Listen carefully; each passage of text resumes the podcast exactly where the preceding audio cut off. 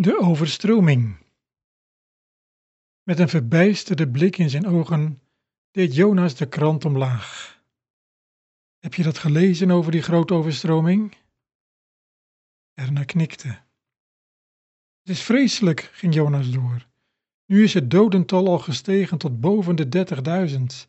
Het aantal gewonden is de 100.000 gepasseerd. Het aantal daklozen loopt in de miljoenen. Iedere dag zijn de getallen weer hoger. Wat een ramp! Erna knikte weer en Jonas ging verder. Het lukt me niet de situatie voor te stellen. De getallen zijn te groot. Wat een chaos moet dat zijn. Wat vreselijk moet het zijn. Alles kwijt, familieleden zoek en dan zit je in zo'n opvangkamp, in een omgeving waar je niets en niemand kent. Denk je eens in, zo'n kind dat zijn ouders kwijt is. Krijgt hij ooit nog de kans een normaal leven op te bouwen? Ja, beaamde Erna, wat een vreselijke ramp. Weet je wat ik nou zo moeilijk vind? vervolgde Jonas. Waarom doet de schrijver dat nou?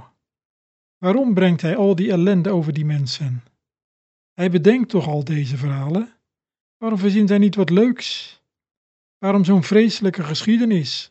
Al die mensenlevens, al dat leed, dat hebben die mensen toch niet verdiend? Hoezo verdiend? Is de schrijver niet vrij om verhalen te bedenken zoals hij wil? Waarom vinden we het gewoon als alles goed gaat en kijken we op als het niet goed gaat? Denken we soms dat we recht hebben op geluk? Wat voor rechten kunnen we eigenlijk laten gelden bij de schrijver? Wij zijn maar bedenksels. Misschien heb je gelijk. Ik verwacht alleen dat die schrijver goed is. Een goed iemand zal zijn bedenksels toch niet opzettelijk laten lijden? Of zou de schrijver er ook niets aan kunnen doen? Dat denk ik wel, antwoordde Erna. De schrijver kan schrijven wat hij wil, dus als hij het niet zou willen, zou er ook niet zo'n ramp gebeuren. Dus jij denkt dat die schrijver alles kan. Als hij wil, worden de problemen van onze overstroming in een oogwenk opgelost. Ja, dat denk ik. De schrijver kan alles. In één zinnetje maakt hij alles weer droog. Nog een zinnetje en alle huizen staan er weer. Ga zo maar door. De vraag is alleen of hij het wil. Waarom zou hij dat niet willen? Ziet hij dan niet wat een ellende dit is? Telt een mensenleven niet voor hem? Vindt hij het niet erg dat een kind zijn ouders moet missen of ouders hun kind? Waarom helpt hij niet een beetje? Dat weet ik niet. We kennen de overwegingen van de schrijver niet. We weten ook niet alles wat hij weet. Ja, hij heeft ons bedacht, dus hij zal ook wel meer weten dan wij. Misschien doet hij dat wel omdat we maar bedenksels zijn. Zijn bedenksels wel echt genoeg om je druk over te maken? Wat bedoel je met echt? We zijn toch echt? Ik zie jou toch en jij ziet mij toch? Als ik je knijp, voel je dat toch? Au, riep Jonas toen Erna de daad bij het woord voegde.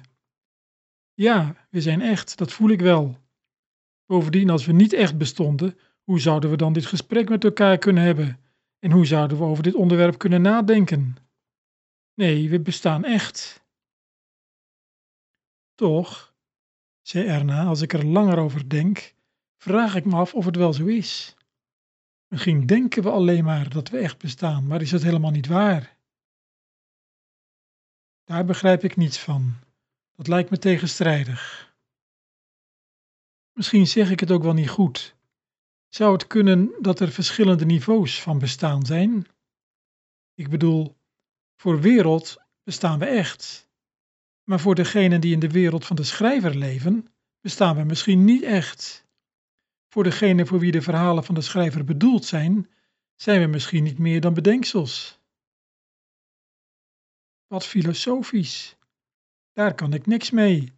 Wij leven toch in wereld. Dan zijn we toch echt, dat zien we, dat voelen we, zo denken we. Ik weet ook niet hoe het zit.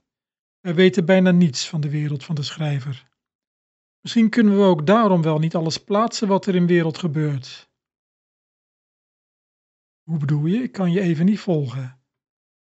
Nou kijk, alles wat wij kunnen zien is beperkt tot wereld. Als wij zoeken naar de bedoeling van de schrijver, dan kunnen we ons eigenlijk niets anders voorstellen dan dat het iets van wereld moet zijn, of hoogstens iets van de schrijver zelf. Maar er zou wel eens veel meer kunnen zijn. De schrijver leeft ook in een wereld. Misschien ligt de bedoeling van de schrijver niet in wereld, maar in de wereld van de schrijver. Dan zoeken we dus tevergeefs naar de bedoeling van wat er in wereld gebeurt, omdat die bedoeling buiten ons bereik ligt in een andere wereld, namelijk in die van de schrijver. Ah, ik denk dat ik je begin te begrijpen. Je bedoelt dat de schrijver zijn boek niet voor ons geschreven heeft, maar voor de mensen in zijn wereld, en dat die de bedoeling wel zullen begrijpen. Ja, zoiets bedoel ik ongeveer. Dat moet dan wel een erg belangrijk doel zijn, als het zoveel mensenlevens kost en met zoveel verdriet gepaard gaat. Ik weet niet zeker, maar ik denk dat je nou toch weer twee niveaus van bestaan door elkaar haalt. Je hebt gelijk. We zitten ook zo aan ons eigen wereld vast dat we ons niet kunnen voorstellen dat het niet alles is. Voor de schrijver zijn we natuurlijk maar bedenksels. Zou het hem niets kunnen schelen dat veel van zijn bedenksels maar een moeilijk leven hebben, dat vaak nog droevig afloopt ook? Daar weet ik eigenlijk niks over. De schrijver zelf zegt er ook vrijwel niets over.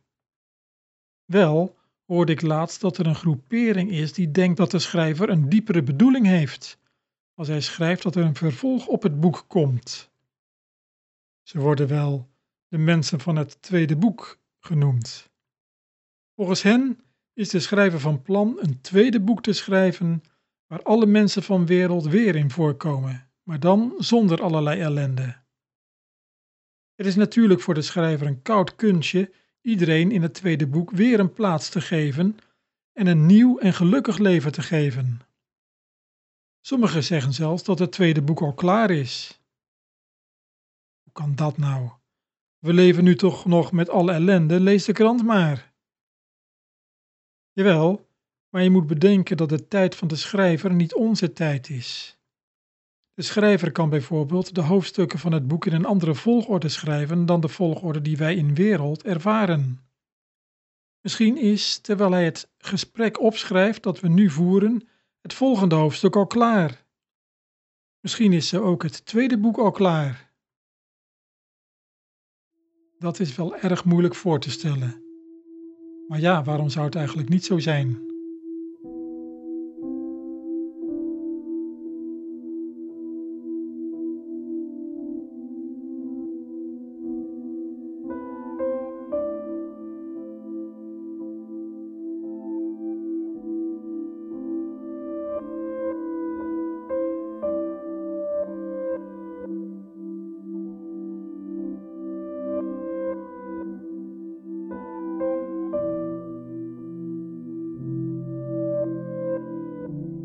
Er viel een stilte, waarin Jonas en Erna probeerden hun gedachten te ordenen. Het was een ingewikkeld onderwerp waar verschillende dingen op een complexe manier door elkaar heen liepen. Na een paar minuten begon Jonas weer. Hé hey Erna, jij zei dat zo, hè? Dat de schrijver ons gesprek opschrijft. Dat betekent dus dat hij weet wat we denken en wat we graag zouden willen. Dat lijkt me wel. Wat wil je daarmee zeggen? Nou, zouden we hem dan ook van gedachten kunnen laten veranderen? Als hij nou merkt hoeveel moeite we hebben met alle ellende hier, dan kan hij dat toch verhelpen? Zover heb ik nog niet gedacht. Ik denk dat je wel eens gelijk zou kunnen hebben. Het lijkt me dat schrijvers wel vaker terugkomen op hun plan als ze zien dat hun verhaal de verkeerde kant op gaat. Een schrijver kan er een draai aan geven zodat het toch allemaal nog goed afloopt. Hij zou ook een streep door de laatste bladzijde kunnen zetten en opnieuw beginnen. Dan zou het voor ons zijn alsof het nooit gebeurd was. Als je het zo bekijkt, wie weet hoeveel ellende er is geweest waar we niets van weten, omdat het allemaal ongedaan gemaakt is. Maar misschien ook wel niet. Sommige schrijvers hebben van tevoren een goed verhaal uitgedacht en volgen gewoon de lijnen die ze in het begin hebben uitgezet. Dat is zo. En nu we weten hoe de schrijver wereld heeft bedacht, dan lijkt het erop dat hij ook zo te werk is gegaan. Hij heeft van tevoren al helemaal bedacht hoe wereld in elkaar zit. Dan kan hij natuurlijk niet te pas en te onpas met allerlei wonderlijke oplossingen voor de problemen komen. Dat zou ingaan tegen zijn oorspronkelijke bedoeling.